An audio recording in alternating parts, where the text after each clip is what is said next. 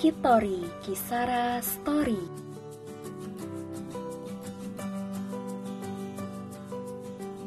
Halo sahabat Kisara di rumah, gimana nih kabarnya pada hari ini? Semoga dalam keadaan sehat ya uh, menjelang hari perayaan Valentine tanggal 14 Februari atau mungkin teman-teman dengar podcast ini tanggal 14 Februari ya tepat pas banget obrolan kita soal kasih sayang tapi pastinya kita kan bakal nge-podcast nih ya ada Kisah hadir saat ini di podcast hari ini tuh dengan tema soal percintaan. Tapi nggak soal cinta sama orang lain juga tapi dengan diri sendiri uh, dengan tema bisik Februari 2023 hari ini yaitu I Wanna Know What Love Is dengan tema kita pada uh, sesi kali ini yaitu the importance of self care. Ya, self care. Tapi kali ini aku gak bakal sendiri. Udah ada orang yang akan nemenin aku.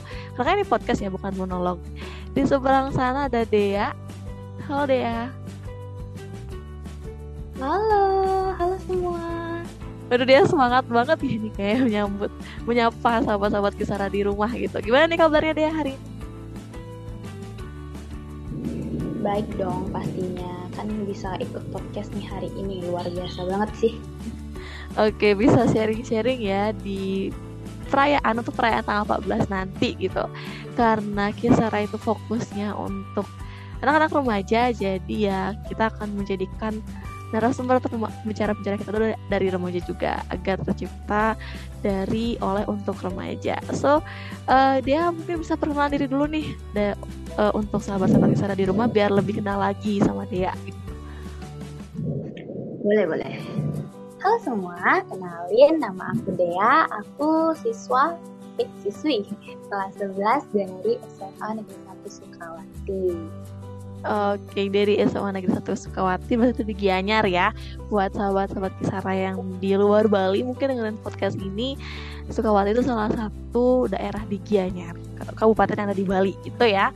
So itu pernah dari dia singkatnya dia itu siswi dari SMA Negeri Sukawati. Nah kalau aku moderator pada sesi kali ini aku Zili, salah satu relawan Kisara yang sudah menjadi staff Kisara di divisi Akom Devia yang akan um, mungkin beberapa kali akan menjadi moderator di sesi Kitori podcast Kisara di Spotify ini yang lagi kamu dengar di rumah. So, kali ini kita bakal bahas soal self care ya Dea ya. Oke, masuk aja nih ke Betul. obrolan kita, ke obrolan asik kita nih pada sesi ini. Apa sih dimaksud self care menurut Dea? Self care itu suatu bentuk atau wujud perilaku seseorang dalam menjaga kehidupan, kesehatan, serta perkembangan hidupnya di sekitar kita gitu kak. Oke, okay, jadi penjagaan ya, penjagaan uh, diri kita, lalu uh, perkembangan di sekitarnya untuk di sekitar di sekitar diri kita gitu ya maksudnya ya dari self care itu. Oke lalu apa sih manfaat yang akan kita rasakan ketika mampu menerapkan self care itu dalam diri kita sendiri? Hmm, pastinya banyak ya. Dan itu tuh pasti berdampak positif untuk kualitas hidup kita.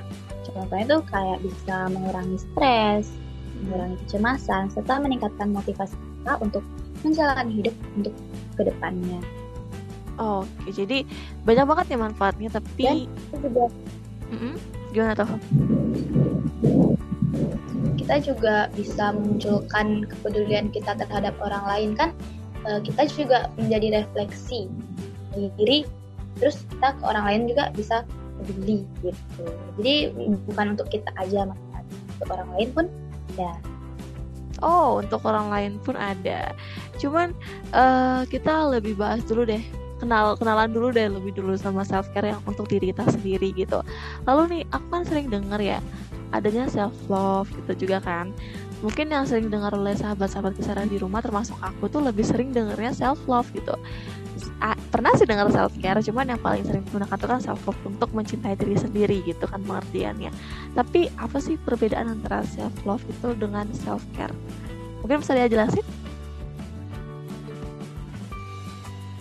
Jadi untuk perbedaannya itu gampang ya untuk membedakannya. Kalau self love itu artinya dia mencintai dirinya sendiri tanpa ada penyesalan kayak menunjukkan penerimaan terhadap dirinya sendiri. Jadi dia tuh udah tidak mengenal insecure dalam dirinya dia gitu. terus kalau untuk self care itu dia lebih meluangkan waktu untuk merawat dirinya untuk merasa lebih nyaman terhadap dirinya Oke, jadi kesimpulannya itu untuk merasa lebih nyaman kalau di self care gitu ya. Jadi uh, kesimpulannya tuh yang aku tangkap dari penjelasan dia berarti orang yang mungkin merasa sudah menerapkan self love tapi belum tentu dia bisa self care gitu ya. Betul sekali.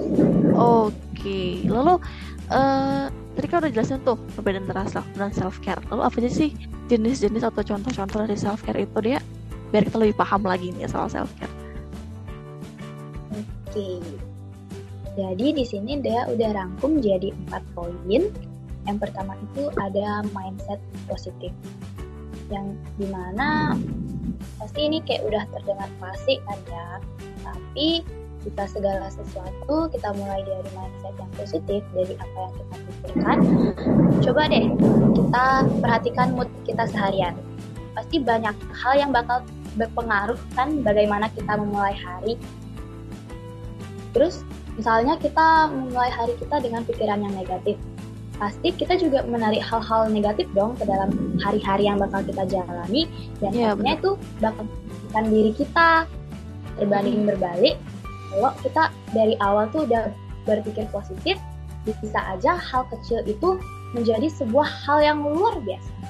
Jadi hmm berpo, apa, bermindset positif ini tuh penting banget. Memang berpikir positif ini itu tidak akan mengubah apa yang akan kita lalui, tapi setidaknya kita dapat menemukan hal-hal kecil yang dapat membuat kita bahagia, gitu kak. Oke, okay. next apa lagi tuh ada jenis-jenis dari self care? Terus yang kedua itu ada yang namanya physical self care. Artinya dia menjaga kesehatan dan kebersihan dirinya kan tubuh kita adalah bentuk uh, prestasi dari Tuhan yang patut banget kita jaga. Emang sih uh, umur itu kan katanya ditahan Tuhan, tapi kesehatan yeah. itu kan di tangan kita kan ya kak. Oke, okay, ya ya benar-benar. Yang masuk ke physical self care itu kayak kebersihan diri, terus ada nutrisi yang kita makan, pola tidur serta olahraga. Hmm. Okay. Bisa mewujudkan visi baik contohnya itu kayak e, benar-benar memilih makanan apa yang kita makan karena makanan yang kita makan itu kan menentukan kebiasaan kita sehari-hari juga mm-hmm. terus ada e, apa ya dia pernah dengar kayak healthy food healthy me gitu itu keren banget tuh kak sebagai motivasi kita oh, iya sih tagline-nya ya bener-bener bener terus uh, pola tidur kita pun harus diperbaiki. Dia juga ada tips kalau orang yang tidur itu masih mimpi, itu artinya dia belum benar-benar tidur kan? Oh, dia juga baru. Oh gitu ya. Gimana gimana tuh maksudnya? Boleh dia jelas nggak? Maksudnya kenapa kalau emang mimpi itu belum dikatakan tidur? Jadi kan salah satu tips self care ini pola tidur yang baik. Jadi hmm orang tidur dengan baik itu artinya dia tidur lelap tanpa bermimpi apa pun. Nah, itu baru benar-benar yang namanya tidur. Oh, karena dia sedang bermimpi jadi kan terganggu ya, mimpinya otak. dia gitu ya. Hmm, gitu. Terus oh. dia juga ada tips buat kalian yang lagi dengerin cara biar tidur kita itu efektif ya, sehat dengan cara tidur dengan ritme waktu yang sama. Sehingga tubuh kita itu jadi terbiasa dan misalnya jam 10 kita udah tidur. Untuk seterusnya pun tubuh kita bakalan lima oh jam 10 udah tidur. Pastinya dia bakalan tidur dengan gelap. Gitu, Kak. Oke, pas pas pas tapi dia gimana nih? Kita kan sebagai orang uh, sebagai anak remaja nih ya, emang sulit banget buat tidur. Ada nggak sih tips buat bikin kita nggak sampai begadang-begadang larut malam lah gitu ya dengan alasan overthinking lah terus khawatir lah gitu gimana sih tips dia sebagai anak muda juga kan anak remaja juga yang agar kita bisa mempola prosedur kita tuh biar teratur ya gitu nggak berantakan uh, kalau dari dia sendiri sih lebih ke time managementnya itu diperbaiki misalnya hmm. kita bikin timeline dari pagi itu kita mau ngapain aja, mengefektifkan waktu yang akan kita gunakan. Misalnya dari pagi pastinya sekolah, habis itu misalnya ada tugas itu bisa langsung dikerjakan. Terus setelah itu kita bisa melakukan kayak self care gitu loh kak juga skincare, terus bisa maskeran itu bisa dilakukan dengan apa namanya time management yang baik. Jadi setelah kita melakukan pekerjaan pekerjaan pekerjaan pekerjaan itu jadi kita bisa tidur dengan santai pastinya hmm. kita ada ada waktu santai setelah melakukan pekerjaan yang sudah kita susun dengan baik itu jadi kalau hmm. kita mengerjakan pekerjaan waktu tidur kita juga akan dipakai untuk mengerjakan pekerjaan yang masih tertunda itu gitu iya iya benar-benar jadi lebih ke uh, apa namanya buat to do list gitu ya dengan pekerjaan-pekerjaan di hari itu agar nanti bisa diselesaikan dengan uh, baik gitu ya sehingga istirahatnya pun bisa tenang gitu. Oke, okay, nice nice tips dari Dea. Oke, okay, next lain kalau care itu apa lagi nih dia jenisnya? Ada yang ketiga itu ada self recharge. Jadi bukan cuman HP atau gawai yang perlu recharge, kita juga perlu hal yang membuat kita terus kembali kak. Oke, okay. apa tuh? Jadi kita tuh harus tahu di mana sih momen titik terendah kita atau kalau dalam HP itu low bat gitu ya. Dan kita bisa mengisinya itu dengan berbagai uh, apa namanya berbagai hal tergantung kesukaan dan kebiasaan kita secara pribadi. Contohnya itu kayak melakukan hobi, melukis, memasak, atau menonton film gitu. pokoknya yang bisa membuat kita semangat tuh dan Oke, okay. selain itu ada lagi nggak dia? Dan uh, apa ya? Pemandangan kita itu pandangan kita itu harus intinya tuh lebih aware terhadap apa yang membuat kita itu lebih wah gitu loh kak. Jadi kita harus meluangkan waktu untuk mengisi diri kita dengan apa yang kita suka beraktivitas hmm. memang sih penting, tapi jangan lupa untuk hidup, untuk dinikmati dengan baik. Oke, okay. udah cukup nih dari jenis-jenis self care ya dia ya. Lagi satu ada. Oh, Oke, okay. apa tuh? Ini tuh penting banget ya kalau di zaman sekarang itu ada connect disconnect. Jadi uh, orang terdekat kita itu pastinya mempengaruhi kebiasaan kita. Benar nggak sih kak? Iya ya bener banget bener kita juga tanpa sadar bisa berubah tergantung dengan lingkungan kita kan? Nah jadi kita harus bisa membatasi diri kita. Iya apalagi kita anak-anak remaja ya yang notabene tuh cepet banget untuk terpengaruh dengan suasana lingkungan gitu masih labil lah dikatakan ya memang menjalin relasi dengan orang lain itu bagus. Tapi kalau orang itu toksik dan membawa dampak negatif, baiknya kan kita cut off gitu. Iya. Lebih tegas lagi ya berarti sama circle pertemanan kita ya. Anak muda kan biasanya cepet banget pengaruh gitu mending kalau emang hmm. berikan dampak yang negatif di cut off aja seperti kata dia tadi gitu ya. Itu tips dari dia untuk sahabat-sahabat kisah di rumah yang lagi dengerin podcast kita. Oke keren keren lalu ada lagi nggak dia jenis-jenis self care atau udah cukup?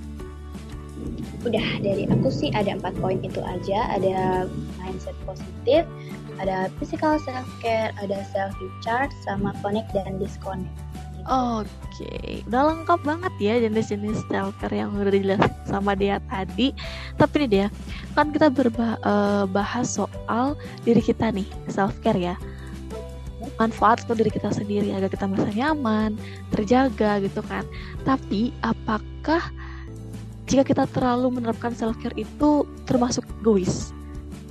Gimana nih menurut dia? Mungkin dari orang yang apa namanya kayak awam tentang self care pastinya ngiranya ini tuh adalah hal yang egois ya. tapi di sini itu self care itu ialah merawat diri bukan memanjakan diri kita self care ini kan satu hal yang penting dan sering kali kita lewatkan ketika kita ingin mengembangkan diri secara baik yaitu merawat diri kita baik secara mental maupun fisik. Memang terkadang terdengar egois, tapi idealnya inilah yang harus kita lakukan terlebih dahulu karena seperti yang dia bilang sebelumnya sikap kita terhadap orang lain itu berasal dari refleksi pribadi.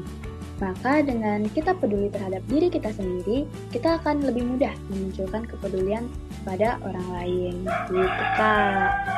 Oke, jadi untuk uh, sahabat kesehatan di rumah ya jangan takut lagi akan dibilang egois lah sama orang lain ya kalau emang kamu menerapkan self care tapi ingat ada batasannya. Bukan maksud untuk memanjakan diri tapi merawat diri gitu ya dia ya. Maksud dari self care itu. Oke, okay, nice banget karena apa pun yang dimulai dari diri sendiri itu akan mudah untuk kita uh, bagikan ke orang lain gitu ya. Oke, okay, yang terakhir nih deh, gimana sih cara kita untuk tahu ya batasan agar kita tuh nggak sampai ke titik yang egois dari terapan self care itu? Pastinya kita juga harus memikirkan perasaan orang lain ya. Contohnya kayak misalnya dia kan masih remaja lah ya, masih sekolah misalnya emang jadwalnya itu sebenarnya harus kerja kelompok tapi temennya ada yang uh, punya jadwal harus pergi ke salon nah soalnya kalau orang tersebut harus memiliki apa ya namanya kayak mana sih yang lebih penting kerja kelompok atau pergi ke salon gitu jadi misalnya kalau dia memilih untuk lebih pergi ke salon itu yang dinamakan dengan egois kak jadi kita juga harus memiliki skala prioritas kita agar tidak terdengar egois oleh orang gitu. Iya, yeah, iya. Yeah. Oke, jadi uh, lebih memberikan apa ya kayak dengan komunikasi yang asertif ya pastinya ya beritahu kepada orang kalau memang uh, aku ada skala prioritasku loh seperti ini seperti ini jadi biar uh, orang itu tuh tidak menganggap kita terlalu egois gitu ya.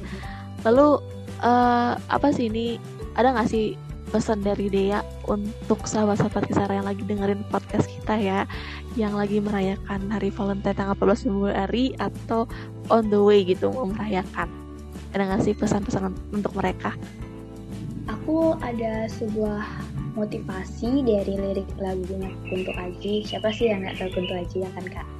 Iya ya bener-bener yang mana tuh? Dari judul lagunya itu Bungsu sebelum kau menjaga, merawat dan melindungi segala yang berarti, yang sebaiknya kau jaga terlebih dahulu adalah dirimu sendiri. Keren kan? Iya iya bener-bener karena ya nggak terlepas dari semua hal itu kita juga perlu mendengarkan diri sendiri merawat diri sendiri tapi ada batasannya gitu ya dia uh, oke okay, cukup nih dia untuk pesannya ke sahabat-sahabat kisah di rumah atau ada yang lagi yang mau disampaikan mungkin dari dia udah Oke, okay.